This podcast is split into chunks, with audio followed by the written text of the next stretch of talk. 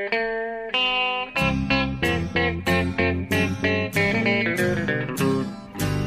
out there, we're on the air. It's hockey night tonight.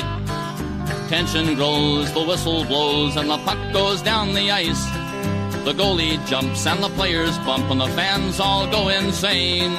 Someone roars, Bobby scores at the good old hockey game. Oh, the good old hockey game is the best game you can name. And the best game you can name is the good old hockey game. Hallå, hallå, hallå, hallå, hallå! Då är det dags för en ny NHL-podd. Det har gått en vecka sedan sist och eh, nu är det faktiskt avsnitt nummer 133. Eh, Jonathan Ecklev heter jag och med mig från New York eh, Per Bjurman som inte har massa renoveringsprojekt runt omkring sig utan nu är det lugnt, lugnt och skönt. Ja, äntligen efter månader är de äntligen klara med, med renoveringen Ja. Eller totala, totala göttningen av lägenheten vägg i vägg. Usch. Eh, Så jag slipper borrar och hammare och annat elände eh, dagarna i ända. Och Det är mycket, mycket under, underbart. Byggarbetarna slipper eh, dig också. Som bankar tillbaks. Ja, går dit och skriker. Ja, och inte- och inte få någon skön morgonsömn kanske alla gånger. Eller vaknar av en borrmaskin. Det är ju precis så. Jag jobbar ju sent på nätterna eh, Ja. med hockey. Och eh, brukar aldrig kunna gå och lägga mig precis direkt efteråt. Utan det tar några timmar att varva ner. Ja. Eh, och då, om man somnar vid 4-5 så är det inte så kul när det börjar dunka i väggen vid 8. Nej, jag, jag har full förståelse för detta. Jag har ungefär motsvarande dygnsrytm som du. Jag är ju också uppe och tittar på matcherna så att jag, jag, jag blir inte glad av att väckas eh, den tiden på dygnet. Nej, men du har ju också det jobbet. Du slutar ju vid 1, Ja. eller hur? Ja, visst. Det är ju så faktiskt. Det är ju den typen av... eh, Vi jobbar ju så. Men, eh, hör du. Vi har, Ja. mycket, vi, har mycket, vi har mycket vi ska gå in på idag. Ja, det har vi verkligen. Det har hunnit hända en hel del sen vi pratades vid senast. Ja, precis. Det är ett digert eh, schema. Det är lite... Jag menar, eh, All Star-lagarna utsätts. Det ska vi komma in på. Det, det är... eh, Vi har eh, svenska målvakter som har eh, tradats eller som har skickats upp eller som har skickats ner. Eh, Jaha. och vi har eh, faktiskt tänkt att ha lite slutspelstouch på den här podden faktiskt och faktiskt analysera lite vilka lag som till slut kommer vinna racet. För nu har halva säsongen i princip exakt spelad. Och vi, tabellen har ju börjat sätta sig och det är otroligt jämnt. Men vi ska försöka komma fram till vilka lag vi tror på i slutändan. Men jag vill stanna Ja. upp lite till att börja med här. Vill jag komma in på en sak som hände alldeles Ja, eh, inte så länge sedan för dig. Sen, sen, sen du var vaken senast ska jag säga i princip. Eh, när eh, Washington mötte Pittsburgh. Och Alexander Ovechkin gjorde sin tusende poäng Ja, eh, i en eh, tung seger för Washington Capitals som är stekheta just nu och har sju raka segrar. Men eh, Ovechkin. ja det var en eh, historisk eh, kväll i Verizon Center. Eh, och man hade väl för känna att ja, det här kan ju bli kvällen när Ovechkin gör sin tusende poäng då. Ja. På 898 matcher eller vad det är. ja, det är faktiskt imponerande facit i dagens. Han har ju varit med under hela eran sen för senaste lockout, för, eh, ja, den lockout, 2004-lockouten när reglerna har stramats åt och det har blivit färre NHL i mål, eh, mål i NHL. Liksom. Ja. Ändå så ligger han på det poängsnittet. Liksom. Ja. ja, och det tog ju inte precis lång tid utan efter 35 sekunder så dunkade in ett mål. Eh, och eh, det vart hysteri i Verizon Center. Ja. Standing ovation. Ja. Eh, de, de slutade aldrig skrika utan han fick, han fick sit- sitta i båset och vinka åt, åt eh, publiken. Det var vackert. Så Bäckström. till också. Ja, precis. Eh, Bäck, Bäckström assisterade åtminstone på det första och såg till att knuffa upp han där. Så jag tyckte att han var för eh, svensk där när han satt ner och inte ville upp och, och vinka. Utan han, Bäckström sa åt honom, nu får du ställa dig upp och vinka åt fansen här. Nu ska du ta emot lite hyllningar här. Ja, De hade ju- spelade fram även till det andra målet och till ytterligare ett mål och så gjorde han ett själv. Han hade fyra poäng där. Det var ju nästan hans kväll rent eh, matchmässigt ändå. Alltså mot, med Ja. toppmötet mot Pittsburgh. 3 plus 1, eller 1 plus 3. Eh, Ja. Men han pra- jag pratade med honom efteråt och han sa att eh, all- han gav all cred till eh, The Great Eight. Eh, det var hans kväll och han pratade om att ja, vilken fantastisk spelare det är med, med, med sitt fantastiska skott. Där. Han pratade om det där skottet är enastående och han hade nått eh, minsann de där tusen poängen utan mig, sa Beckis. Kanske han hade, men det har ju underlättat lite att ha en så bra playmaker. Det var ju faktiskt Ovechkin inne på själv. För han tyckte ju att det var, eller Barry Trotz sa det, att det var signifikativt att det var just Bäckström som fick assist på Ovechkins tusende Ja. poäng. Och eh, Ovechkin själv sa att, att Bäckström is the guy som han älskar att spela med. Ja. Liksom uttryckligen liksom att det är, det är han jag vill ha som min radarpartner. Det är inget snack om det. Så Ja, de har ju varit ett, ett radarpar nu i, i nio år. Ja. Ja, tio snart. Till hösten är det väl tio år sedan Beckers kom hit. Så det, det, det, det är inte mycket att... Ja, det är ju två stycken lysande spel. Men det är klart att, det, att man får lyfta på hatten åt Ovechkin. Och de målen som man gör i just den matchen tycker jag också är... Alltså det är inga, det är inga så här... Det, det studsar, den tusende poängen studsar inte in av sig själv direkt. Utan det är liksom... Efter 35 sekunder så bara gör han en toe drag och så liksom bara trycker han in en, ett vansinnigt handledsskott. Upp i Ja. nättaket. Och sen så det tusende första poängen, det and- andra målet han gjorde var ju ett patenterat stenhårt otagbart slagskott. Från Ja. sin egna eh, liksom, ja, vänstra teknikcirkeln där han står som han prenumererar på. i princip. Ja, vintage Ovechkin. Det där har vi pratat om förut. Att alla vet precis vad som ska hända. Men ingen kan göra någonting åt det. Nej, det, är liksom, det har gått över tio, ett decennium nu och han gör samma mål igen. Liksom. Ja, fantastiskt. Man får ju säga ändå, det är ju han och, eller han och Crosby som sen den där lockout-säsongen du pratade om när de kom tillbaka. En, en ny era kan man säga. Ja, och det är de som har anfört den eran. Ja. Eh, De är den moderna hockeyns två stora ikoner. Precis, och när vi står och fortfarande när vi sitter och sneglar på den absoluta liksom, toppen av tabellen när vi ska komma in på vilka lag som ska gå till slutspel eller inte så kan vi redan nu slå fast att det här är två supercontenders i vanlig ordning. Liksom. Ja, eh, Washington har ju verkligen eh, stramat upp så här på slutet. Och som sagt, det var sjunde raka det här mot Pittsburgh. Ja. Eh, Och eh, de börjar närma sig samma slags grundserieform som i fjol, tycker jag det känns som. ja, det börjar se ut så nu igen. Alltså, då var de ju helt överlägsna och vann eh, NHL i totalt eh, särklass faktiskt. Och det ser ut som de är väldigt inspirerade när det blir riktigt stora matcher, som den jag var på den när de eh, klippte av Columbus segersvit. Just det. Och nu den här när de har chansen att eh, Ovis ska nå sitt tusende, när de blir riktigt motiverade, då ser de för jävla bra ut. Och det är ju någonting som inte riktigt eh, sedan eh, translated in till slutspel. Men om det kan börja, eh, om det börjar synas den här typen av tendenser för den här upplagan av Washington Capital så är ju det i allra högsta grad positivt för dem. Ja, ja det, men det har vi ju pratat nu. Eh, Jag, jag skrev i stora tipset innan att eh, Washington Capitals säsong startar ju typ 11 april eller vad Ja. Allting fram till det är egentligen bara, eh, transport. bara ja, transport. De måste leverera i slutspelet och så är det bara. Och det är ju det här laget de mötte igår som de på något sätt måste ta sig förbi. Det är the team to beat faktiskt. Ja, det är det. Och det kommer inte att bli lätt. Nej, ja, men jag, jag, jag, jag- gillar, jag gillar signsen från Washington som du är inne på nu. Alltså det, att det, jag, jag var ju för sig inne på tidigare här när, det, när, de liksom, när de smög lite i bakgrunden. Att de, jag menar, det är ändå Pittsburgh och Columbus som vi har pratat mest om och Rangers i början av säsongen och Montreal till viss del i, i, i den östra sidan. Och Washington har bara smugit med lite fram till nu. Och jag har varit inne på att Ja. det skulle kanske vara lite positivt för dem att gå in i ett slutspel med lite, lite lägre förväntningar än vad de är vana vid. Men eh, nu, Ja, det skulle säkert. Ja, eh, Beckys bild var att de är mer noggranna nu, som han uttryckte det. Eh, Han tyckte att även om de låg bra och hyggligt till även tidigare så tyckte han det var för slafsigt, var ordet han använde. Ja. Eh, på Gävleborg. nu, nu, ja, ja, slafsigt. Ja, ja. ja, det var lite slafsigt där tyckte jag. Eh, eh, Nu är det mer skönt. Ja. Nu, nu, nu, nu är de noggranna och alla bidrar och alla är- bra, vet hur de ska spela positionerna och så. Ja. De, de gör det. Ja. Det, det, där vill jag, ja, de är väl hetast i ligan just nu. Ja, och jag vill understryka när du säger det med att de hittar rollerfördelningen bättre. Liksom, att det tycker jag man ser. Till exempel på en sån som Burakovsky som inte riktigt vet att vi, ska placera honom någonstans. För att det är en så pass skicklig spelare att han borde kunna ta en plats i topp 6. Att det är där han hör hemma. Liksom, och han har haft eh, streaks i, i sin korta NHL-karriär hittills som tydligt på det. Men så har han ofta motsatsen när han varit petad och liksom varit helt iskall. Men nu Ja. känns det lite grann som att han och och samma sak vill jag påstå om Lasse Eller som man plockar in för att bredda centersidan lite grann. Han har också haft den här, käns den här liksom känslan kring honom att han borde vara en topp 6-spelare. Det är en offensiv kille. Lasse eller? Ja. Säger man så? Ja, Lars, Lars Eller. Ja, jag, jag, ja.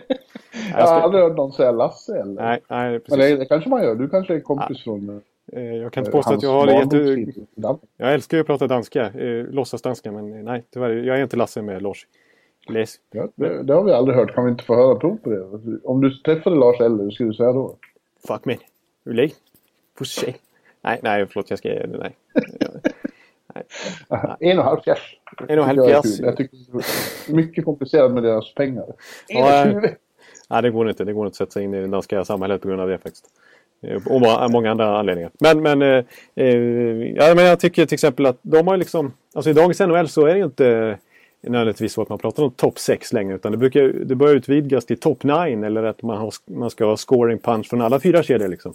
Det, är, inte, det, är inte, det är inte den här gamla traditionella rollfördelningen längre. Och då tycker jag att, man har, att det har blivit en styrka för Washington att man eh, kan ha sådana som Burakovsky och Laseller eh, längre ner i hierarkin. Att det, inte, det hänger inte bara på Bäckström och Ovechkin längre utan det är Kuznetsov. Ja, Alltså, En annan, ja nu nämnde du honom, en annan som ju har varit väldigt blek under eh, de inledande månaderna är just Ku- Kuznetsov. Många Mm. fans har ju undrat vad, vad som tusan hände med honom. Han höll ju på att ta Ja, över rollen som första center och allt. han vann ju interna poängligan i fjol. Mm. Nu har han också börjat eh, varva igång ser det ut som. Ja. Eh, jag vet inte om du såg matchen igår, passningen han slog till eh, Justin Williams mål var ju, Ja. var ju helt makalös. Ja, han, han, precis. Så han var ju faktiskt... Alltså, det var ju med fog som folk verkligen eh, lyfte fram honom som den... En, eh, alltså att han skulle verkligen kunna ta över Bäckströms plats som första center förra året med tanke på hur otroligt bra han var då. Och eh, att han, jag, tror, han, jag tror han hade mest första assist i hela NHL förra säsongen. Ja. Eh, så det, är- det är verkligen två riktiga superplaymakers de har det. Men eh, som, han har inte varit eh, att, alls att känna igen i poängkolumnen den här säsongen. Fram till nu då. Så att, Eh, och Justin Williams som du sa, som han gjorde det där målet också, har ju börjat komma igång och gjort ganska mycket mål här sista månaden kan man väl säga. Så nu, nu, är, nu, blir, nu är Washington den där grundseriemaskinen igen som, som eh, Ja. vi kommer börja hypa upp. När det börjar Ja. vankas april. Ja, det är de lag, förväntade lagen utom ett då som, eh, som, som går bäst i, i Eastern där. Ja. Jag, jag förstår vilket du syftar på. Som, som, som inte går så bra. Nej. Ska vi komma in på det redan nu? Vi, vi Jag vet, jag vet inte. Eh, Jag vet inte Vi- om, om, om lyssnarna orkar med det. För att det är ju oundvikligen så att vi måste prata lite Tampa Bay i den här podden. Eh, Ja, men vi ska börja med att prata vilka som... Vi kan plana ut i det. Ja. Men vi börjar med att prata... Alltså, det har ju tajtat till sig i... i redan nu i slutspelsracet. Jag tycker vi kan, bara för enkelhetens skull så vi kan komma in på Tampa på slutet, så börjar vi med, med väst. Ja, snyggt. Ja, bra. Vi, vi jobbar så den här gången. Ja. Och där är det ju då... Börjar bli riktigt eh, trångt i kön under strecket. Bortsett från två då. Arizona och Colorado, De är borta. de är bortkopplade. Exakt. Eh, De är, Jag tror man kan... Alltså matematiskt har de ju såklart fortfarande chansen när halva serien är kvar, men... Men de är avhängda. Det ska hända mirakel om de ska... Exakt, de är nog snarare inne på tankstadiet här nu. Att det är dags Ja. att börja. De har ju ut, uttalade sellers redan. Det, det, de ringer runt till klubbar och bjuder ut sina spelare. Så det, det är klart att de har gett upp. De är för dåliga. Ja. Alltså Arizona på sjunde plats där har 12 poäng upp till Dallas på sjätte plats. Ja. ja, det säger ju allt. I ett tvåpoängssystem dessutom. Ja, men de då som ligger där, sexa, femma, fyra, trea bak, under strecket. Dallas, Winnipeg, Nashville, Vancouver. Eh, De har ju alla i högsta grad häng. Precis, Eh, det är bara, på, på Los Angeles. precis, det skiljer bara två poäng där. Och det är, vissa lag har färre matcher spelade och vissa har några, några fler. Så det, det, det, det kan ändras, skifta från dag till dag vilka lag, vilket lag som faktiskt ligger på wildcard-plats eller på division, divisionsplats. Ja. Liksom. Så att, Men om man tittar ovanför, ska man utgå från att Chicago, Minnesota och St. Louis, de som ligger på 1, 2, 3 i Central, de, de kommer ligga kvar där. Ja, alltså St. Louis har ju faktiskt bara 47 poäng och är bara inom citationstecken också 3-4 poäng eh, från lagen Ja. under. Men jag tror att de är för bra liksom. Eh, De är för Ja, man stabila. tycker det, men å andra sidan börjar det kännas som Jake Allen sviktar lite under eh, trycket och var första målet hela tiden. Ja, 123 baljer bakåt är inte St. Louis vana vid att släppa in. Det är, det är väldigt mycket. Eh, speciellt i Central-divisionen. Så att, Ja. eh, det, är, det är ju inte så lovande. Och de har faktiskt minus 6 i plus minus statistiken. Eh, de brukar ju vara ett klassiskt pluslag.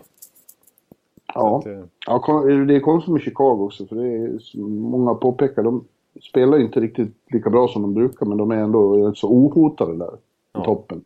Precis, de ligger på... De har alltså lika mycket poäng som Washington. Ja, De är ohotade detta i, i Central. ja. ja de Och kommer att hålla undan.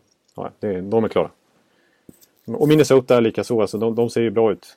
Alltså, Ja. det, det, det, det, de fick ju sin streak snap det där, den stannade på 11 matcher, men de har fortsatt att vinna eh, rätt mycket sedan dess ändå.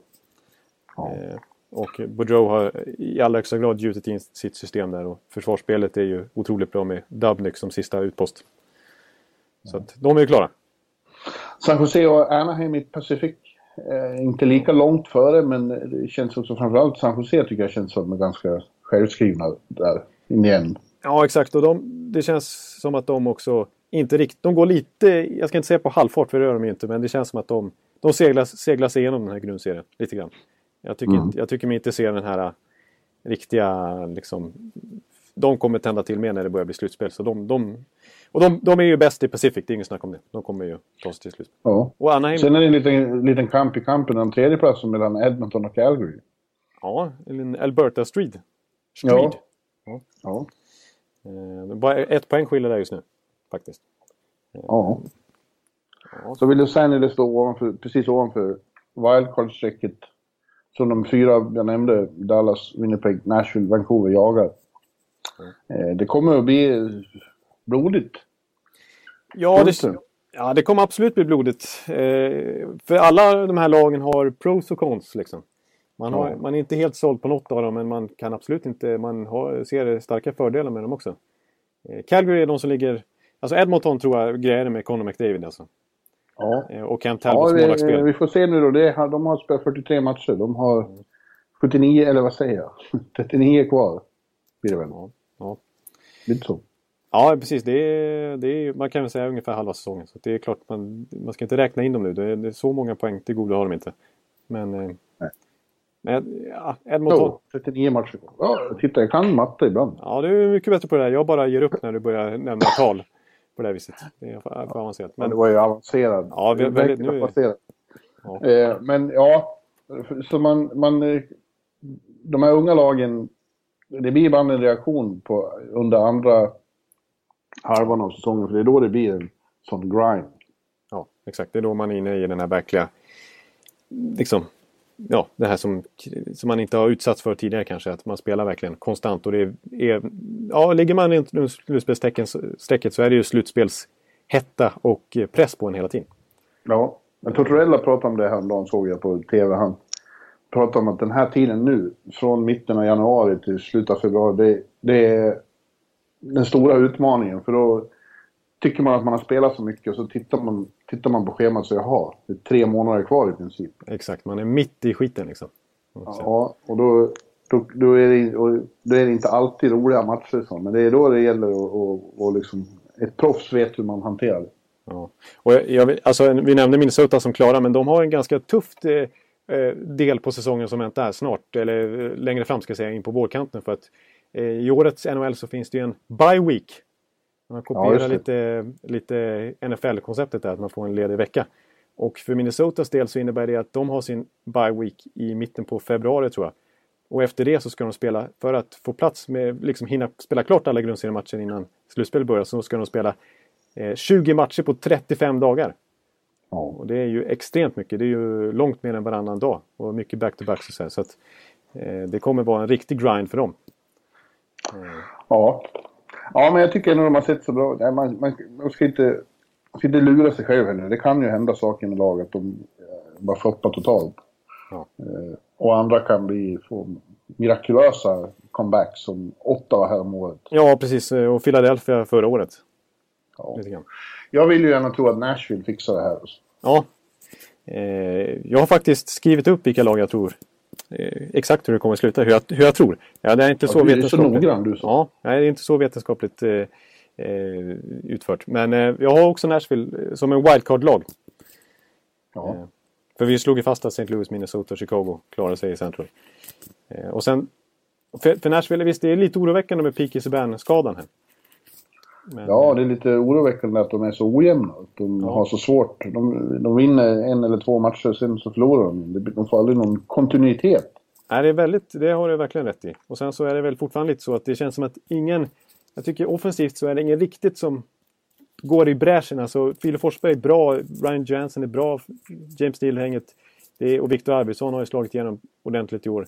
Men det finns ingen som riktigt tar tag i det tycker jag som, är, som, får, liksom, gör, som det trillar in poäng, poäng för match efter match. Liksom. Jag, tycker, jag, är lite, jag, är, jag är inte helt förtjust i vad Ryan Johansson har presterat sedan han kom dit. Han har inte riktigt blivit den här givne första center som jag förväntade mig.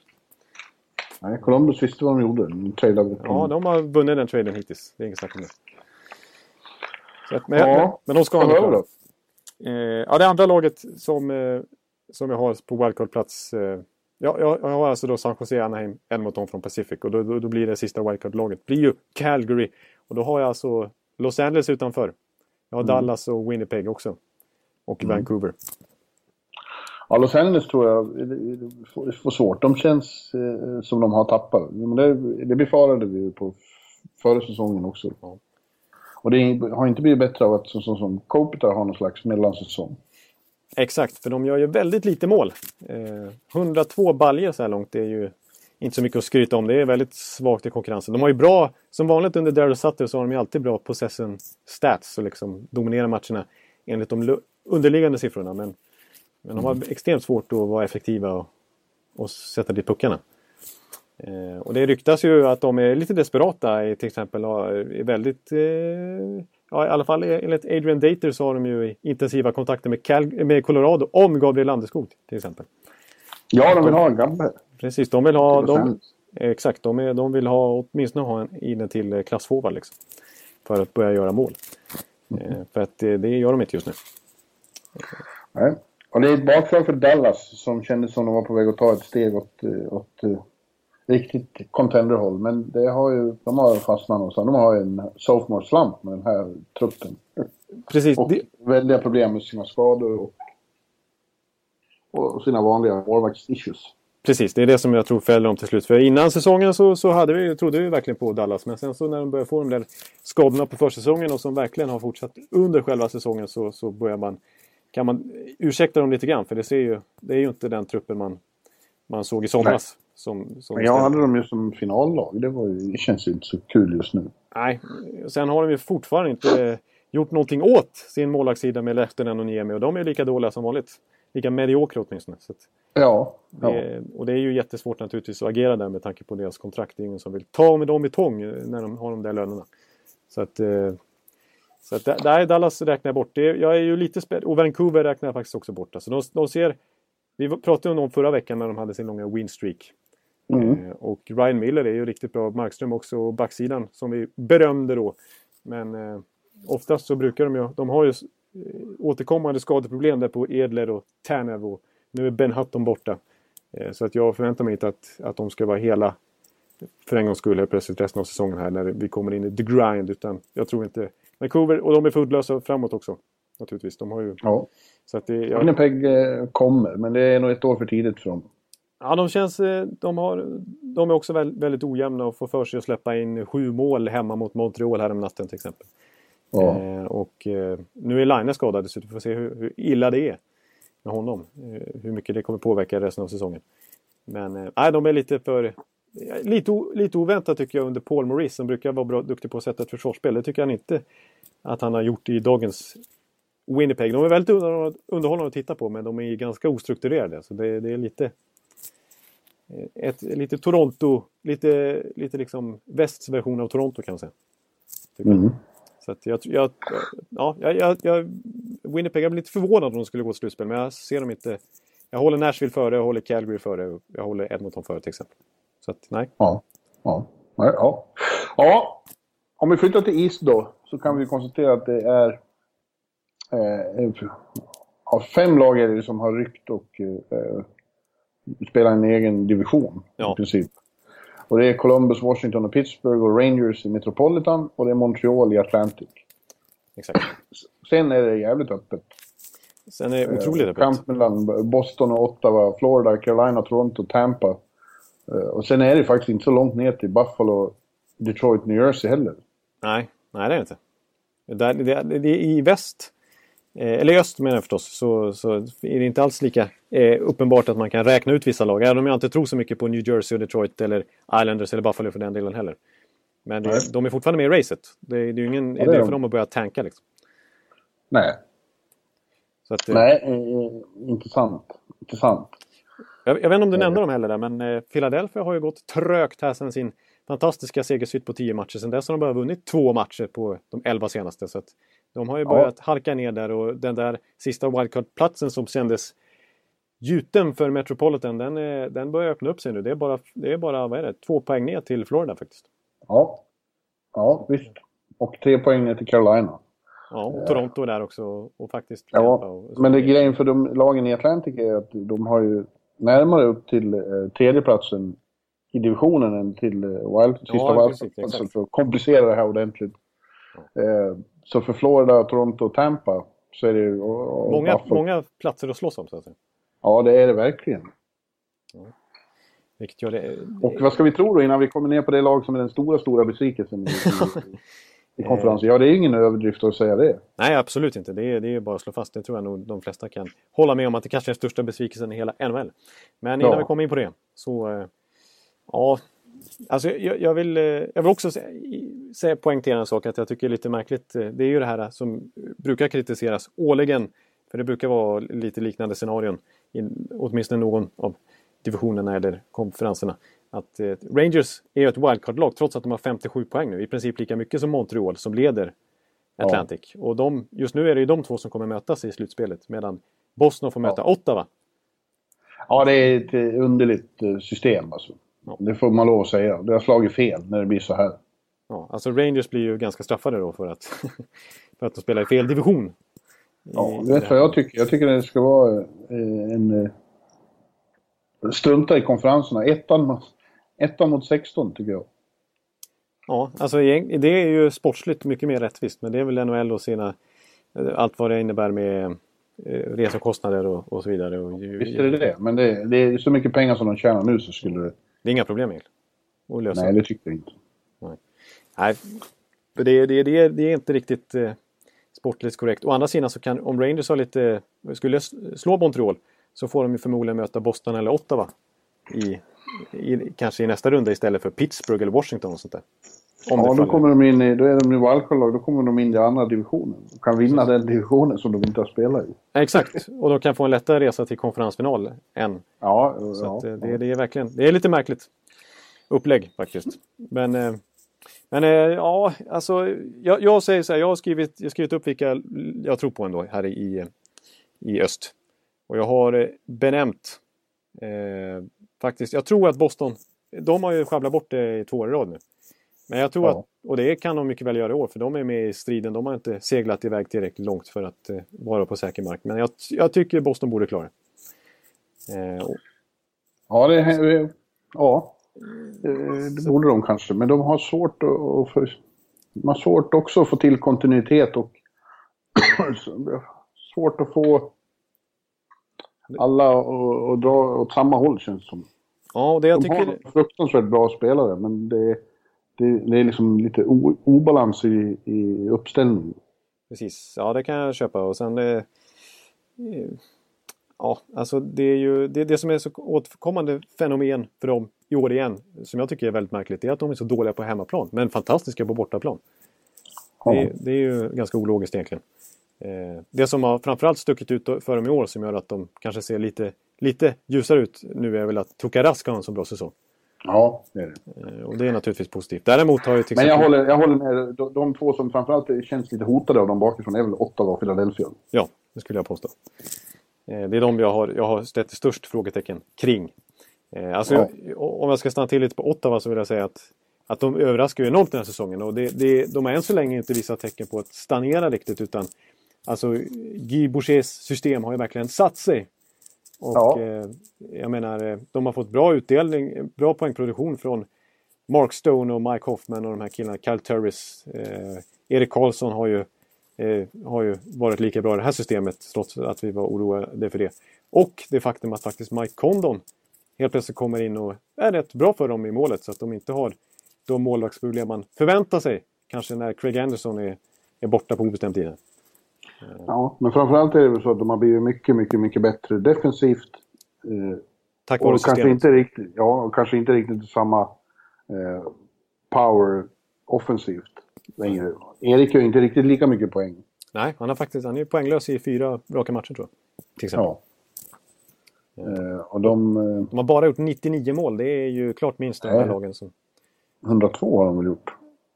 Ja, ja, ja, som jag ser det här så ser jag 102 goals against, vilket är väldigt lite, och 99 Ja, just det, just det, just det. Förlåt. Ja, 99. Eh, Det är ju väldigt låga siffror båda två, men 99 mål är ju inte att jämföra Nej. med, med många andra lag här. Nej, att, eh, precis. Eh, men frågan är då vilka som kommer bakifrån. Ja, eh, vi, vi ska ju titta på Tampa då, verkligen. Men jag, det är många som är intressanta här. Alltså. Jag tycker Carolina har sett bra ut och jag tycker Toronto... Mm. Toronto, alltså, de är som vi var inne på, bara ett par... Några få justeringar från att vara riktigt, riktigt bra. Ja, alltså, och Toronto är så pass bra nu till och med att de, gör mer, att de lyckas göra mer mål än vad de släpper in.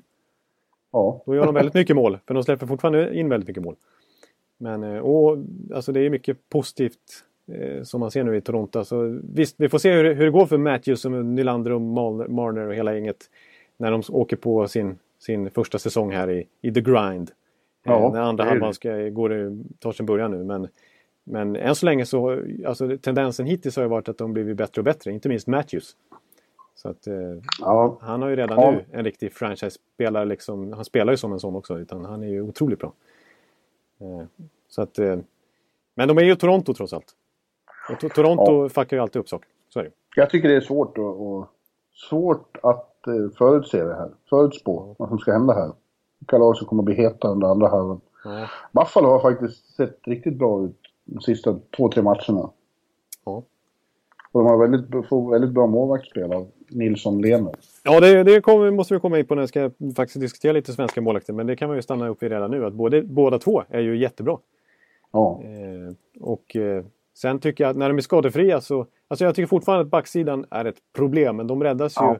Räddas ju upp av att målvaktsspelet är, är så pass bra. Eh, men det har ju varit en, Ja, precis. Det, det har varit en tydlig förstärkning att, att han har kommit tillbaks. eh, Jack Eichel.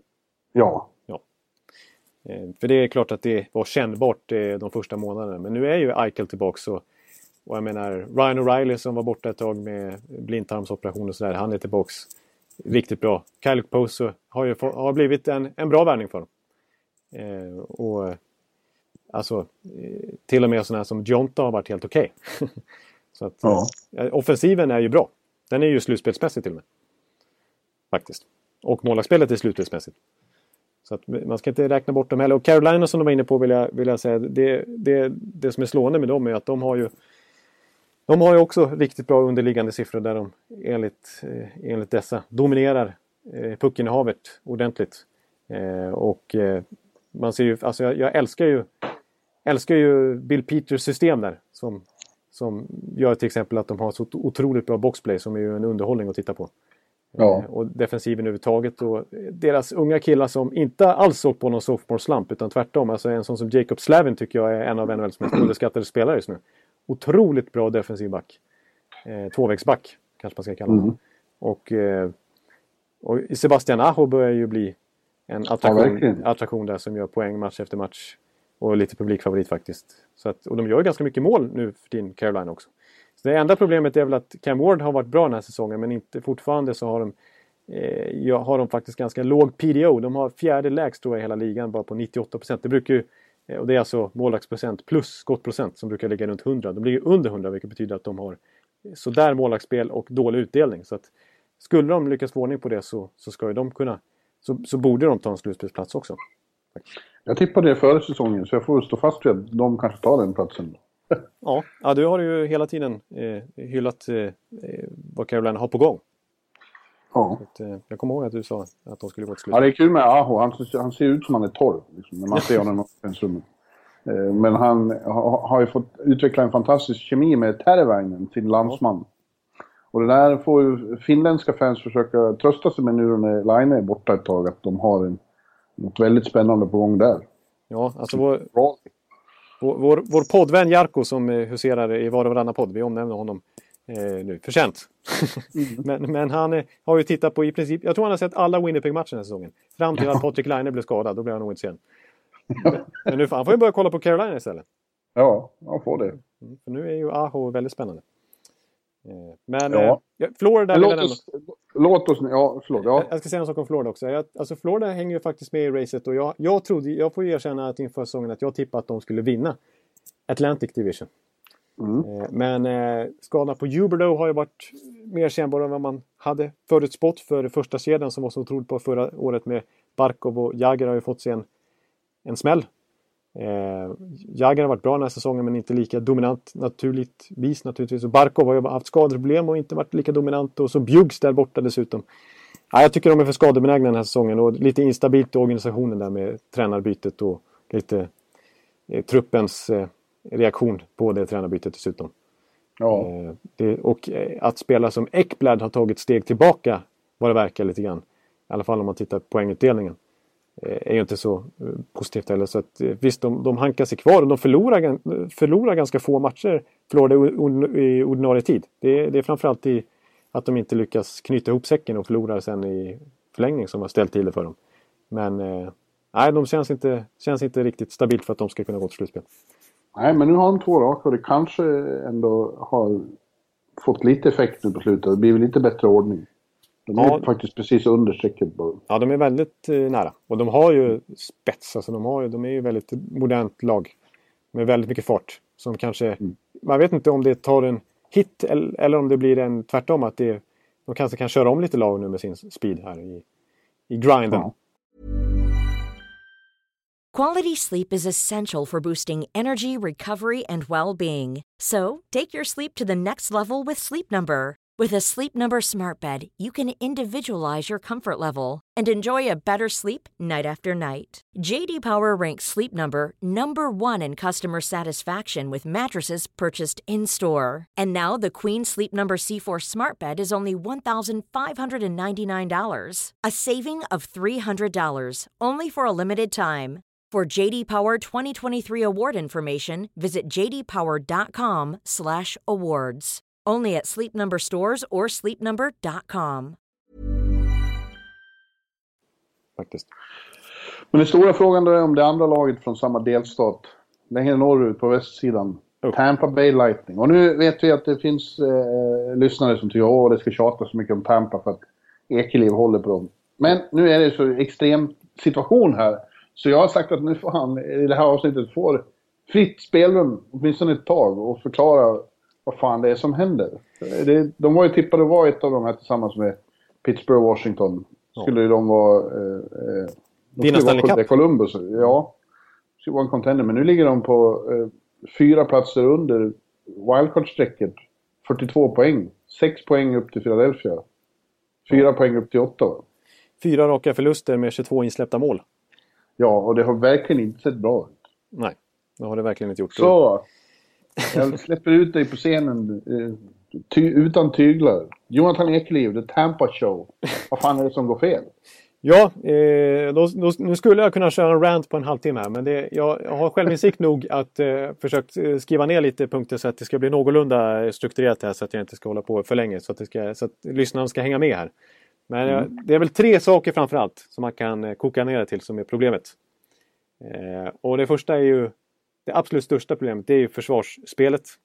Eh, Dels själva spelarmaterialet men också strukturen kring försvarsspelet.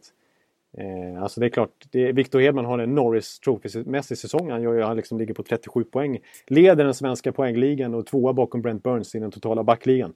Strålman, Ja. Strålman är bra, Braden Coburn är helt okej, men i övrigt är det katastrof.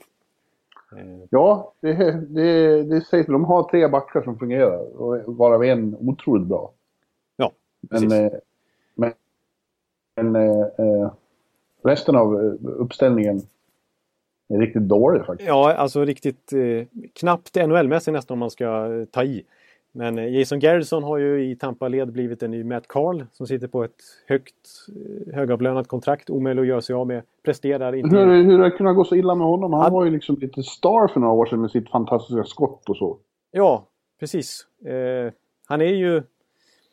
Han har ju helt okej spelsinne så, här, så han borde kunna, liksom, kunna leva lite mer på det nu när han har tappat väldigt mycket fart. Han har aldrig varit en tempospelare men nu ser han väldigt trubbig ut och fattar märkliga beslut också i egen zon där han inte liksom, där han lätt blir vilsen. Eh, så ja, det är ju svårt att förklara men han har ju han är inte bra helt enkelt. Han är, just nu är han inte riktigt ens eh, NHL-mässig faktiskt. Eh, och sen är det ju tyvärr så för Tampas del att, att eh, man hade ju några hyfs, inga, inga stora, stora backtalanger i den bemärkelsen. Men hyfsade talanger på gång i Nikita Nesterov, i Slater Kuku och eh, Andrei Suster, den store backen. Mm. Men alla de har ju verkligen stagnerat fullständigt utvecklingen och nästan... Nestorov och Suster är inte så bra heller. Nej, de är inte alls bra. Och Kuku är väl den som, med det fantastiska namnet såklart, eh, är väl den som, eh, Ja. som är helt okej liksom. Som, som i, framförallt eh, om de statsnördarna pekar ju på att han och Braden Coburn funkar faktiskt bra tillsammans. Eh, skulle man köra Coburn, Kuku som andra backpar bakom Hedman och Strålman så är det liksom, kan man rida på de fyra så är det helt okej liksom. Eh, Men eh, nu har man ju faktiskt valt att skicka ner Kuku till AHL eftersom han är den enda som inte behöver eh, passera waivers. Då. Eh, För att man i- tycker man har lite panik, panik nu och fattar inte riktigt vad som händer. Man tycker bara att vad man än gör så går det dåligt, det blir förluster ändå. Men ska man liksom faktiskt bena ut vilka det är som gör bra ifrån sig så är ju Kuku den som ligger närmast i hans att spela mer. Vilket ju är Ja. konstigt. Men sen vill jag säga också Eh, nästa punkt som ha- har lite grann ihop med försvarsspelet på något sätt också. Det är att målvaktsspelet har ju varit below average. Vilket ju var högst Ja. oväntat. Man hade ju förväntat sig att Tampa skulle ha kanske den bästa målvaktssidan i NHL med Vessina-nominerade Ben Bishop och supertalangen Andrei Vasilevski. Ja. Eh, och eh, Men Vasilevski har inte pallat för trycket nu när han har fått tagit över som första målet efter skadade nej, Bishop. precis. Han har fått spela extremt mycket matcher i rad här. eh, Vilket han är helt eh, ovan vid sedan tidigare i sin NHL-karriär. Och eh, blivit sämre och sämre för varje match nästan. Tyvärr, snarare än tvärtom. Ja. Och han själv han tycker att det, har, det är mentalt. Ja, han har gjort sig känd i sin juniorkarriär och i KHL och så vidare för att vara väldigt stark psykiskt. Men här har det varit tvärtom. att han har, Det har blivit enklare och enklare mål han släpper in. Och eh, jag, vill, jag vill nämna ett specifikt fall då till exempel att förra veckan förlorade de med 6-1 hemma mot Nashville. Och tittar man på den matchen, vaknar man på morgonen och såg det så tycker man, kan man ju tänka att oj vad dåliga de är Tampa. Men det var mest Vasilevski som var dålig då faktiskt. För att Nashville gjorde, Tampa dominerade den matchen. Offensiven är absolut inget problem. Man har det näst bästa powerplayet i ligan till exempel och gör ju mycket mål framåt. Men Vasilevski släppte in 4-1 pucken på det åttonde skottet. Eh, sent i den andra perioden. Och Nashville sköt bara 19 skott i den matchen och vann ändå med 6-1. Var du arg då? Ja, då var jag arg. Då flög det grejer. Då, då, då, då kan jag eventuellt ha vandaliserat eh, rummet jag satt i lite grann. Eh, då, då, nej, precis. Så att, eh, och, men till... Vem är, vem är backup nu då när, när han Ja, står? det är, de har ju den här gamla klassiska Kristes Gudlevskis. Ja, just det. Den Ja, gamla... men han varför kan inte testa honom då? Han har ju varit bra. Alltså han har ju varit bra när han har stått i NHL eh, tidigare men eh, i, övriga, i övrigt har han ju varit jättedålig i AHL nu i, i flera års tid faktiskt. Så de har inget förtroende för honom ändå utan de, de fortsätter att tro på Vasilevski. Men nu är ju faktiskt Ben Bishop tillbaka. Han ska ju eh, av allt att döma stå i nattens match mot Buffalo. Ja, men han gör ju jämt illa sig bara. De där, de där ljumskarna går ju sönder hela tiden. De går sönder fullständigt hela tiden. Och Ben Bishop, eh, det är en stor, eh, han, han har ju varit ungefär lika dålig som Vasilevski. De har ungefär lika dålig statistik den här säsongen. Båda två är ju below average. Vilket ju är lite Ja. märkligt. Eh, Ingen av dem har alls levt upp till. Och det beror dels på försvarsspelet men det beror också, men i sin tur vill jag ge försvarsspelet lite eh, upprättelse för det också. För att när man har en så instabilt målvaktsspel så, så ger det liksom, det skänker ingen trygghet till det kollektiva försvarsspelet heller. Det är en olycka på, på fler sätt än att, än att de slipper in mål. Det var ju, tanken lite var kanske att de skulle av olika skäl, inte minst eh, lönetagsmässiga, trada Bishop. Ja, Eh, eh, för att man trodde så mycket på Vasilevski. Men nu går, dels går Vasilevski inte att lita på, dels har ju Bishop inte övertygat så det blir svårt att få så mycket för honom kanske. Ja, precis. Han har ju sänkt sitt tradevärde ordentligt. Liksom. Och, Ja. eh, och Vasilevski i sin tur har inte visat sig vara den här eh, klockrena efterträdaren just nu i alla fall.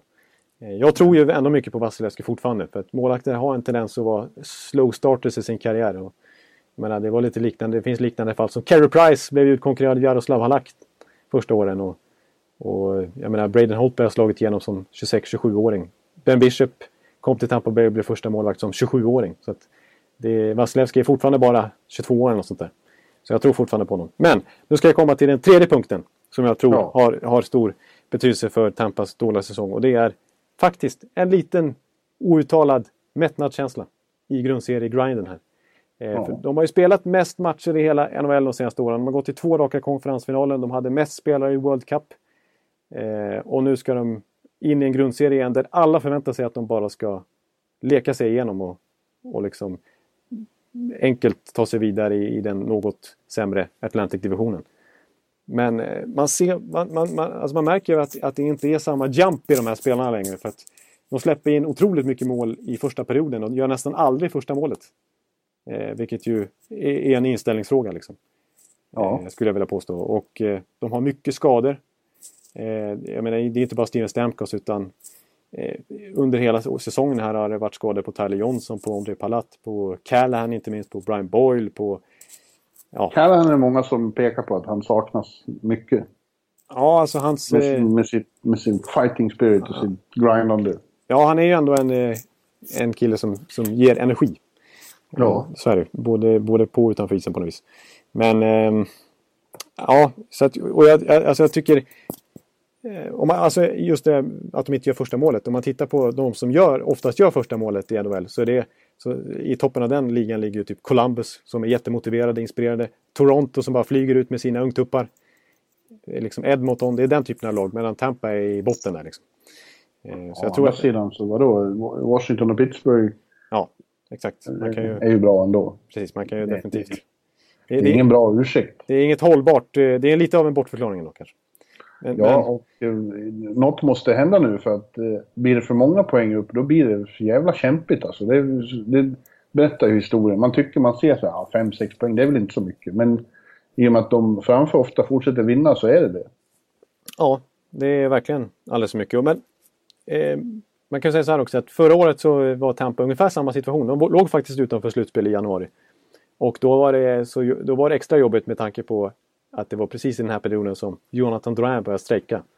Och Steven Stamkos eh, kontraktet var i, på agendan i allra högsta grad. Men då gick de och vann nio raka matcher. Ungefär mm. kring All Star-breaket och så helt plötsligt var det, eh, såg det betydligt bättre ut. Men ja, ja, man kan absolut inte luta sig tillbaka mot det och tro att det ska hända igen bara av sig självt. Utan, och, och det här säger ju Steven Stamkos själv. Att, eller Steven Stamkos, vad säger jag? Steve Eisenman. Mm. Att, att Tampa måste göra någonting åt sin backsida. För den är, materialet där, det går inte att ha tre backar liksom, som är bra. Utan det måste, det måste fyllas på det. Men, och han försöker göra en trade. Men... Eh, ja, då... men det är inte så lätt. Det är inte så många som släpper ifrån sig klassbackar. Nej, det är ju dels det och sen så är det ju extra svårt i dagens läge också när det är så jämnt i tabellen. Det är inte många lag som, som liksom vill släppa ifrån sig spelare hur som helst. Eh, och eh, med tanke på att det är expansion draft som väntar så, så förändrar det dynamiken också. Eh, och, men jag tror att det, det, går att lösa men då måste Tampa vara, helt enkelt vara beredda nu att det kostar pengar. Då får man ju släppa Tyler Johnson eller Ondrej Palat. Eller ja. Alex Killorn eller i värsta fall till och med kanske Jonathan Drouin. Om man vill komma åt någon riktig superback. För jag tror, alltså offensiven är ju så pass bra. Till och med utan Steven Stamkos. Att jag tror man skulle ha råd att, att kunna offra en bra forward för att få in en riktigt bra back. Det... Oliver, Oliver är värd att spränga banken för.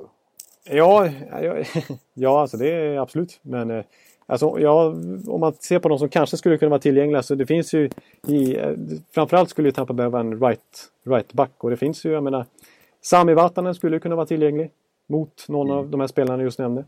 Eh, eller eh, Choba. Eh, ja, det är jag som tjatar om Oliver för jag vill ha in honom i ett bra lag. Ja. ja. Nej, så att, han skulle vara ett lyft oavsett om han, om han sköt vänster eller höger eller något annat. Ja exakt, ja självklart. självklart. Så det, det skulle ju vara det skulle ju extremt eh, bra värvning. Och då skulle, då skulle ju Tampa vara, ska de få Oliver då måste de ju släppa Drouin till exempel. Ja, Palat, Drouin och ett första val. Då får de kanske Oliver. Då får de garanterat. Eh, då, det, det, nu är jag i allra högsta grad subjektiv här. Men, nej, men, men det, det, det, är ju... Alltså Tampa skulle ju faktiskt ha råd att part ways. Ja, Åtminstone med en av de här stora offensiva kanonerna. För att de skulle vara tillräckligt bra offensivt ändå. Och de skulle förbättra sin backsida så otroligt mycket. Så uppenbart att det skulle eh, förbättra laget som helhet. Liksom. Ja. Ja, vi får se. Men du, eh, vad det gäller det här med motivation och, och så. Då, då, brukar ju eh, blickarna vändas mot coachen. Och det har ju faktiskt på sina håll eh, grumsats om att det kanske är dags för Cooper att flytta på sig. Men det, de spekulationerna sköt Iceman ner, eller hur, häromdagen. Så att Ja, han sitter säkert. Cooper sitter där han sitter där han sitter. Ja. Ja. Vad tycker du? Ja, fan? alltså jag tycker att Cooper ska sitta säkert också. Jag har svårt att, att bara tappa allt förtroende för honom nu när, eh, när liksom han har tagit laget till två raka konferensfinaler. Och han Och väl- en final, ja. Precis, och en final dessutom. Så att, eh, nej, jag tycker... ja, Men ja det är man klart... lite mer tålamod än så. Ja. Precis. Eh, Jag har ju väldigt stor respekt för Rick Bowness också som är backtränare som har lite mer defensivt ansvar. Och han har ju fått väldigt mycket beröm de senaste åren. Men, eh, och Victor Hedman hyllar ju honom ofta för sin utveckling. Men man blir, det är klart man blir lite ifrågasättande till när strukturen i försvarsspelet har varit så otroligt svag den här säsongen. Men i, i grund och botten handlar det nog mest om eh, Alltså, man, det är svårt att kritisera materialet heller när det var i princip den här backsidan som faktiskt tog dem till till så långt förra året också. Mm. och då var dessutom Strålman borta majoriteten av slutspelet. Så är, man kan ju inte bara peka på spelarna utan det, har ju, det är ju något eh, större problem än så också. Faktiskt. Ja, de tog Pittsburgh till sju matcher. Och Ja. Så sent som bara häromveckan, för, någon, för en månad sedan så sa Hörnqvist med att det var definitivt deras svåraste motståndare under hela slutspelet. Ja. Inklusive San Jose. Ja. ja, precis. Exakt. Men nej, så att sammanf- Ja, då- sam- sammanfattningsvis. Ja, med frågan. Ja, Ja. kommer de att klara det? Ja, precis, det är väl frågan. Och jag tror att de gör det för jag tycker ändå att de är så pass bra. Eh, Jag skulle nästan vilja säga nej för att mentalt förbereda mig på att det här skiter sig. Eh, För att Ja. jag kommer gå in i väggen här om det, om det skiter. Nej, men, men eh, Om de inte går till slutspel, är, det, är livet över då för Då, ett är, år? då, är det, då blir det jobbigt att hämta sig. Nej, men men jag tycker alltså jämför man med de andra lagen som ligger runt omkring så rent objektivt till och med så, så jag har ju Tampa det bästa lag på pappret. Till och med utan Steven Stamkos. Men jag tycker ändå att eh, trots att det är mitt i säsongen, trots att det är svårt med lönetaket och sådana här moves egentligen borde göra off-season så tycker jag att det är så pass uppenbart det här alltså med försvarsproblemet att det är dags för Steven Eisenman att offra en offensiv kanon för en defensiv pjäs. Och det, det kan ju bli lite så här Adam Larsson Taylor Hall trade att man, man kommer ut på en förlorande sida rent värdesmässigt. Men det kanske, det kanske är så Tampa måste göra för att för att så dåliga backar har man faktiskt just nu. Ja. Så att det, det, det ja. Men jag tror de klarar det faktiskt. Jag tror det är halva säsongen kvar ändå. Och eh, Jag tror det av, avgörs snart. Om de hamnar för långt ner så kommer det bli svårt. hoppas att vändningen kommer i natt. Hemma mot Buffalo. Marley St. Louis tröja hängs upp i taket. Just Nu, just nu, nu förändras... Eh, nu förändras... Eh, här vänder Tampa säsong. säger jag. Ja, okej. Ja. Ja, du, vi nämnde, du nämnde, vi vart ju och pratade en del om målvakter här och, och backup-målvakter. Och, och, och det känns som ett lite aktuellt ämne för det har hänt saker med, med svenska målvakter som i första hand är backups. Eh, Jonas Gustafsson vart satt på waivers i Edmonton och eh, skickades till farmarlaget, ingen plockade honom. Och Jonas eh, Enroth som har varit, han har spelat i Malis nu, han blev plötsligt upplockad av, eh, eller ja, tradad blev han. Ja. Av Anaheim. ja, precis. De bytte till sig honom mot ett sjunde val. Ja, Eh, för att... Eh, och, och där verkar det faktiskt mest som att det det är tyvärr inte för Enroths skull att de ska slänga upp han i NHL och bli någon satsa på honom utan det var mer en panikåtgärd eftersom att båda AHL-målvakterna blev skadade. Och eh, han får bo i San Diego i alla fall. ja, det, det är ju inte så dumt. Nej, Och I Toronto, i, I Toronto var det ingen rolig situation. Han fick ju bara spela tre matcher tror jag i Marlies för att de hade ju helt gett upp hoppet om honom. Så han var ju liksom fyra, femma i deras hierarki. Eh, I organisationens hierarki. Eh, nu får han, som säger, nu får han bo i San Diego åtminstone. Och, Det är eh, väldigt trevligt. ja, och faktiskt var, stå ganska mycket matcher nu och kanske visa upp sig lite grann i, i Gulls. Ja. Men eh, det här, jag tror att det här, ja, de, man får ju vara ärlig och uppriktig och säga att det har inte gått något bra när monstret har stått i Edmonton och gick inget bra för Enroth i början. Nej. Men det där är, är ju ett problem för många nu. För det är så här att, eh, som du var inne på tidigare med bye weeks och, och World Cup och så All-Star här, så har ju schemat komprimerats något enormt den här säsongen. Ja. Man spelar fruktansvärt mycket matcher vilket gör att lagen nästan aldrig tränar. De hinner inte ha vanliga träningar. Ja, och de- för dem då som är backup målisar så blir det ju väldigt ont om istid. Och för de som spelar i lag där man, där man rider på första målsen hårt alltså, och Ja. spelar hela tiden så blir det, blir extremt krångligt för eh, backup. Man, man måste vara en väldigt speciell sorts idrottsman om man ska vara riktigt bra då, de få chanser man får. Ja. Och det har ju de, de backups som det har gått bra för. Du nämnde Anders Nilsson och Robin Lehner där. De har ju varit bra båda två, men de, har ju också fått spela mycket båda två. De har ju nästan alternerat. ja, exakt. Det stämmer. Lika har Scott Darling visat sig bra i Chicago. Att de har så bra målvaktsspel är ju stor del i att det går så bra ändå för dem. Ja, precis. Båda två har varit fantastiskt bra. Och, och där har ju, för Darlings skull så, ju, så har ju det underlättat för hans del att, alltså det, det låter ju cyniskt att säga så, men att Crawford har haft eh, blindtarmsoperation och lite sånt där som gjort att han har naturligt fått fler matcher också.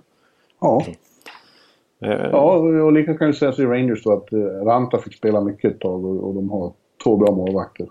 Ja, men det är en intressant poäng du har där faktiskt. Att, att backup-rollen eh, blir ännu svårare en sån här säsong när det, är, när det är så svårt att hitta utrymme för träningar. Och det därmed blir så långt mellan riktigt bra matchning Ja. för de här killarna. Som, som bara Ja. förväntas hoppa in en eller två gånger i månaden och storspela. Liksom. Ja, det tror jag Månset har fått lida väldigt mycket. De har ju spelat stenhårt med Talbot och så har han hoppat in och så har det gått dåligt. Eh, Ja. Otacksamt. Och det blir väldigt mycket skuld på en målvakt i alla lägen. Eh, Ja. Och jag tycker lite synd om Gustafsson. Han blev ju hånad här i, i pressen där också av den rutinerade Jim Matheson som har varit eh, beatwriter där i, 70, i liksom, sen 70-talet. Sen Gretzkys tid. Mm. Och visst, man kan tycka vad man vill om, om Matheson. Men han skrev ju där att eh, den enda monstret skrämmer det är coachen och general managern. Ja. Eh, Ja. Stackars Ja. Gustafsson som kämpat så mycket i sin karriär. Som eh, fick komma till Färjestad liksom och slå igenom i SHL först som 23-24-åring. någonting. Men sen eh, haft så mycket märkliga... Han har haft hjärtfel och han har haft axeln ur led och han har haft ljumskproblem och han har haft hjärnskakningar och han har lyckats få kontrakt med Boston efter tryout och han har varit i tradats runt och hit och dit. Ja. Så han har ändå lyckats hålla sig kvar i ligan i nio år men nu känns det som att det är, det är kanske läge för honom att sticka hem till Europa. För att jag tror inte han får så mycket mer chanser nu. Nej, det är väl risk för det. Nu får han bo i... Ja, de är väl i... Ja, det är ju i Kalifornien också. Bakersfield ja. Mm. Ja, ja, det är inte världens roligaste ställe. Nej, det är sant. Men, det är, men det är ändå varmare än i Edmonton. Man får försöka trösta sig med det. Mjuk, mjukna upp lite där. Ja. Nej men... Eh, nej, men jag- en, en annan målvakt som vi kan nämna, en som är svensk intresse, det är naturligtvis att eh, just Columbus där, där de rider stenhårt på, på Sergej Bobrovski. Ja, Eh, Men nu har han, han har varit sjuk här på slutet och eh, Curtis McElhenney lyckades inte imponera och då wavade de honom. ja och lyckades- Toronto plockar honom. Toronto plockade honom. Och så kallar de ja, när de kallade upp Anton Forsberg och så vart Bobrovski sjuk så han kastades rakt in i hetluften. Och Ja. hade en halvdan match där mot... Eh, eh, vad var det mot? Det var mot Carolina borta. Ja. Och var inte så nöjd efteråt. Han sa att jag måste spela bättre om jag ska kunna ta den här chansen. Och så. Eh, Han har å andra sidan eh, haft eh, bra kalenderår om man ska säga, 2016. Där han, fram till nu i alla fall, för att han det var ju faktiskt så att han vaktade kassen när Columbus farmarlag gick och vann hela Calder Cup här. Ja, Förra säsongen var fantastiskt bra. Och sen har han jättebra statistik den här säsongen i Lake Erie också. Har verkligen förtjänat att bli uppkallad. Och till slut fick han chansen nu. Tog inte den i första matchen men han har ju faktiskt, förra året var det så att Jonas Korpisalo, om jag ska sätta uttalet rätt, eh, fick spela 30, tre, över 30 matcher eh, in vid sidan av eh, Bobrovski här. Men nu är det ju faktiskt eh, han som har förpassats som andra keeper i AHL-laget och istället är det Anton då som kallas upp när eh, Mm. McElhenney försvinner. Så att, eh, jag tror ändå att man har lite tålamod med Forsberg nu för att han har varit så fantastiskt bra för dem i farmarklubben. Säkert. Säkert, säkert. Det är väl därför de faktiskt vågar wava McElhenney också för så kass har inte han varit heller. Så att det, det, det var ett litet statement att nu ska man börja satsa på Forsberg tror jag. Ja, ja roligt. Ja.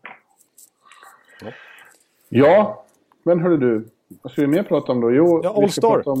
All-Star, ja. Hela trupperna presenterades ju här och återigen så, eh, så drog de Henrik Zetterberg vid näsan. Tänk! Det, alltså, Det blev inget All-Star för Zäta i år heller. och det har ju, Jag alltså, är det, så fruktansvärt besviken, skrev han i ett sms med många glada e-mails. Ja, alltså, det är otroligt. Men, men det här måste ju han ha sett till att, det, att han inte kom med igen naturligtvis. För att, jag menar, det är klart att ser man, man måste plocka en spelare från varje klubb och det är ju, det är ju han som varit bäst i, i Detroit den här Ja, säsongen. men det är väl klart han har meddelat om det. Att han, han är ju 35 och, och 36. Han är, och behöver ju... Han får spela alldeles för mycket mot vad det var tänkt. Så han måste ju vilas så mycket som möjligt. Han ska inte åka till Los Angeles och spela några tre mot tre matcher. Nej, det är klart. Det vore inte bra för honom. Nej. Så det har de ju såklart styrt. Så, så kan ju klubbarna styra lite, be NHL om nåd. Ja. Eh, framförallt för äldre spelare. Men ja, men All-Star var väl ytterligare en bekräftelse på att det är New Kids on the Block som är den stora attraktionen i NHL. Ja, det är inte, inte, inte, det, det är inte brist på unga spelare så att säga som fick plats. Nej. Nej. Det är Matthews och det är McDavid och det är Linus och så vidare. Ja. Eh, Så att, eh, och det, i 3 mot 3 format så tackar man inte nej till det. Verkligen inte. Visst, det är några de vanliga the usual suspects också i Crosby, Ovechkin och Kane och company. Ja. Men, eh, men det, det känns som det är fler, eh, unga, blir fler och fler unga för varje gång och av ett skäl. Exakt, för de, är, de blir ju bara mer och mer dominanta i ligan. Liksom. I Ja. yngre och yngre ålder. Liksom. Så det, det, kan inte, det är inte så hög eh, snittålder på den här All-Star-truppen som skickas dit. Man ska säga. Nej. Men, eh, men däremot så kan man säga så här om All-Star-helgen att det, är lite... Alltså det, det är kul med det här eh, formatet med en turnering tycker jag. Med tre mot tre och att de delar upp det i divisioner så att det blir fyra lag istället för konferenser. Eh, Ja. Så att det blir en turnering och lite prestige och lite prispengar och så vidare. Men eh, däremot så är det ju många snabbs här alltså. Eh, på grund av dels det faktum att de måste ta ut en spelare från varje lag och dels att de måste ta ut sex backar och tre eller tre backar och sex eh, spelare. Forward. Forwards Ja. från varje div division då och så två målvakter. Så att det är ju, jag menar Ja, alltså typ Mike Smith kommer med i All-Star här. Ja. Det, det kan man ju diskutera. Frans Nielsen från Detroit då. Eh, Vincent Trocek. Kanske inte Men nu, jag vill bara påpeka, nu är det i och för sig den enda jag sett som har sagt det. Eh, Tobias Pettersson hävdar att Mike Smith har väldigt bra siffror för att vara i Arizona. Alltså Mike Smith har ju varit en eh, jätteutropstecken den här säsongen. Så att det är klart att, att, eh, han är, att det inte är liksom, det är inte så att man skrattar åt han kommer ut på något sätt. Han har varit den, det enda utropstecken nästan i, i Arizona den här säsongen. Sin vana trogen. Han är ju dålig varannan säsong och jättebra varannan. Ja, precis. Så att, eh, ja, men eh, en, en, det är lite märkligt också. Det har ju till och med han erkänt själv att Jonathan Taves kommer med. Ja. Eh, när ert Chicago som har varit superbra den här säsongen så har ju Taves varit medioker igen och bara gjort 20 poäng hittills. Ju, Han sa ju det, han sa ju det själv. Att, eh, han tyckte det var andra som förtjänade mer. Men nu är det ju All-Star och det handlar inte bara om vad man presterar. Det handlar om vad man är för slags profil också. ja, precis. Och det är väl vissa som har lite eh, så- misstänker att det är ju en, det är en stor... De försöker göra det till en stor happening nu i alla fall i och med att det är 100-årsjubileum just den här All-Star-helgen. Och då, I samband med den så ska de ju utse de 100 bästa spelarna i ligan genom tiderna. Ska NHL göra. Och det är väl många som misstänker att Taves kommer vara med på den listan och kommer få vara med och hyllas lite grann. Och därför så plockades han ut istället för till exempel Artemi Panarin. Och eh, till och med han sån en profil. Precis. För, all del. eh, en sån som till och med Brent Seabrook har gjort mer poäng än, än Taves. Ja, men det där var vi inne på. Det, det är centra som har... Eh, vad sa vi? Kopitar har också en mellansäsong. Ja, Bergeron inte minst. Eller också. Bergeron och... och eh, vad har vi mer? Det finns säkert fler exempel. Sedin. Ja, ja, Joe Thornton är bra. Ja, Joe Thornton är ett superbra exempel. Ja. Han är... Eh, Han har... Det Och vad är det där för någonting? Är det för att man spelar för mycket hockey på slutet med World Cup och allting? Ja, om man ska tro min logik här från eh, 20 minuter sen så kanske... Ja.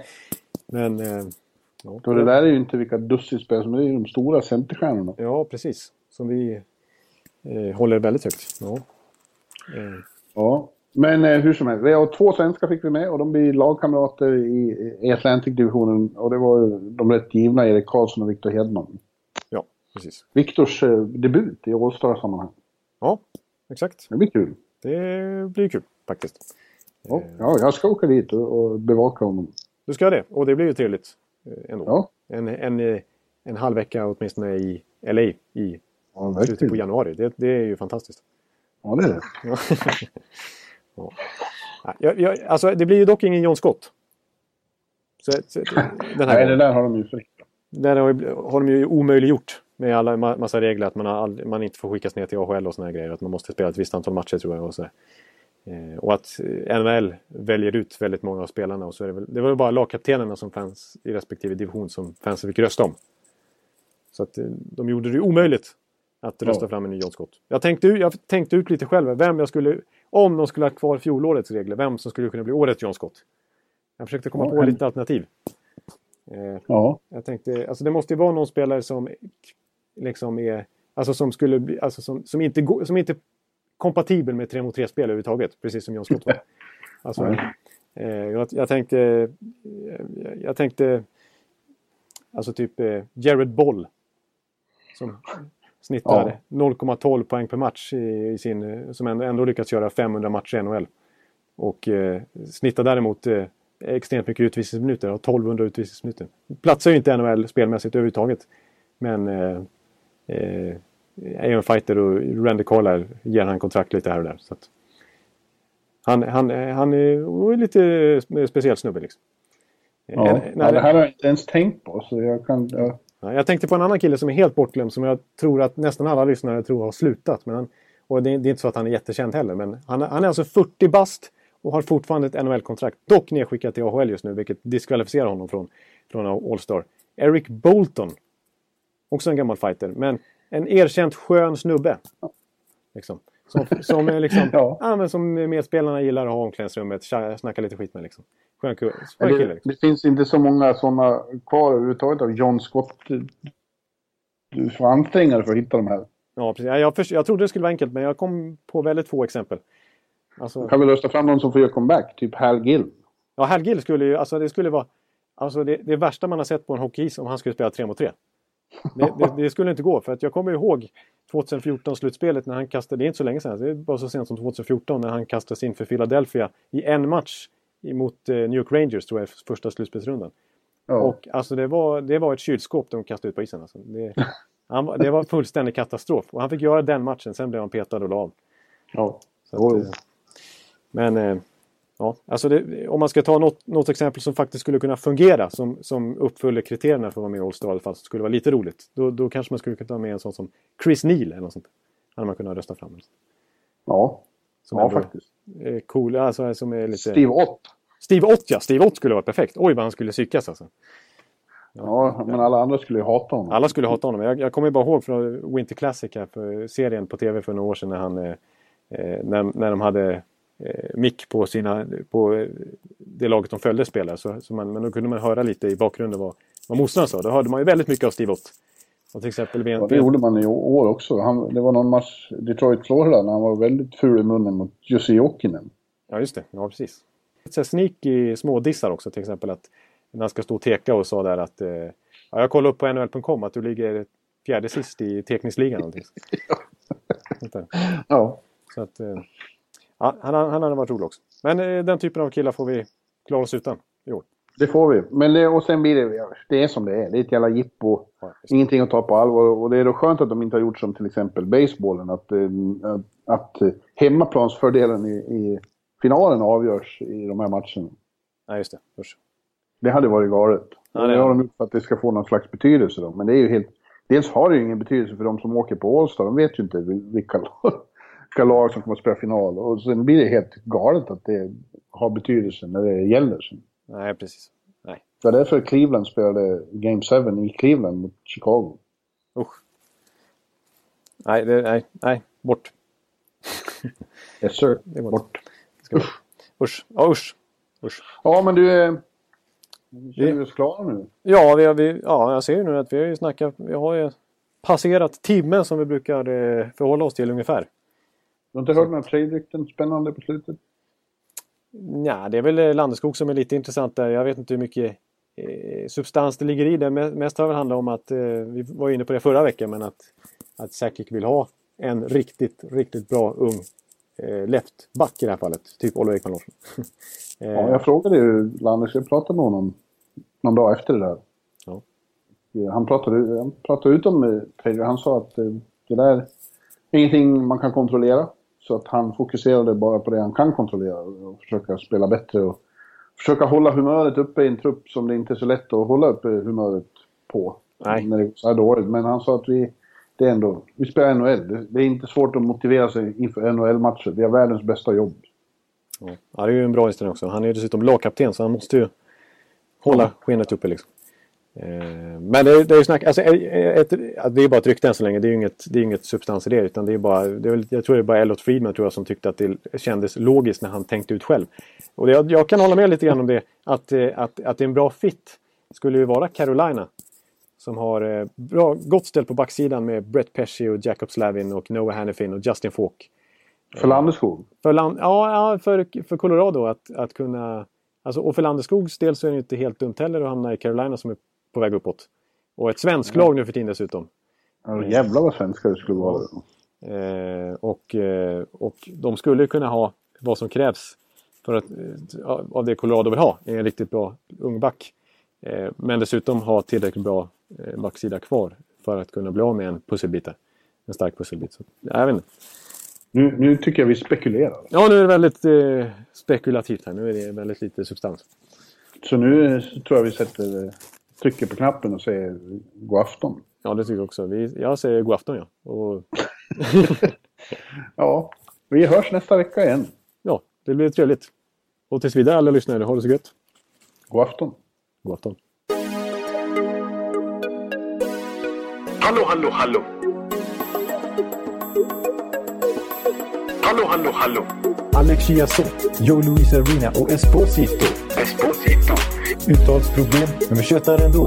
Och alla kan vara lugna, inspelningsknappen är på. Bjuder Hanna Kohl, han är grym i sin roll. Från Kållesoffan har han fullständig kontroll på det som händer och sker. Det blir ju allt fler som rattar in hans blogg. Och lyssna på hans podd. One, two, time, speed, so Hallå, hallå, hallå. One, two, time, speed, so Hallå, hallå, hallå.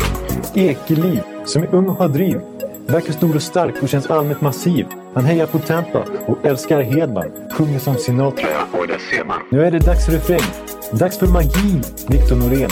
Du är ett geni. På stand-up at home, I remove your hats. Höj volym, för nu är det plats. One, two, time, speed, so Hallå, hallå, hallå. One, two, time, speed, so Hallå, hallå, hallå. One, two, time, speed, so Hallå, hallå, hallå. One, two, time, speed, so Hallå, hallå, hallå. Det är otroligt länge sedan båda samtidigt var så här bra. Hallå, hallå, hallå. Det är otroligt länge sedan båda samtidigt var så här bra.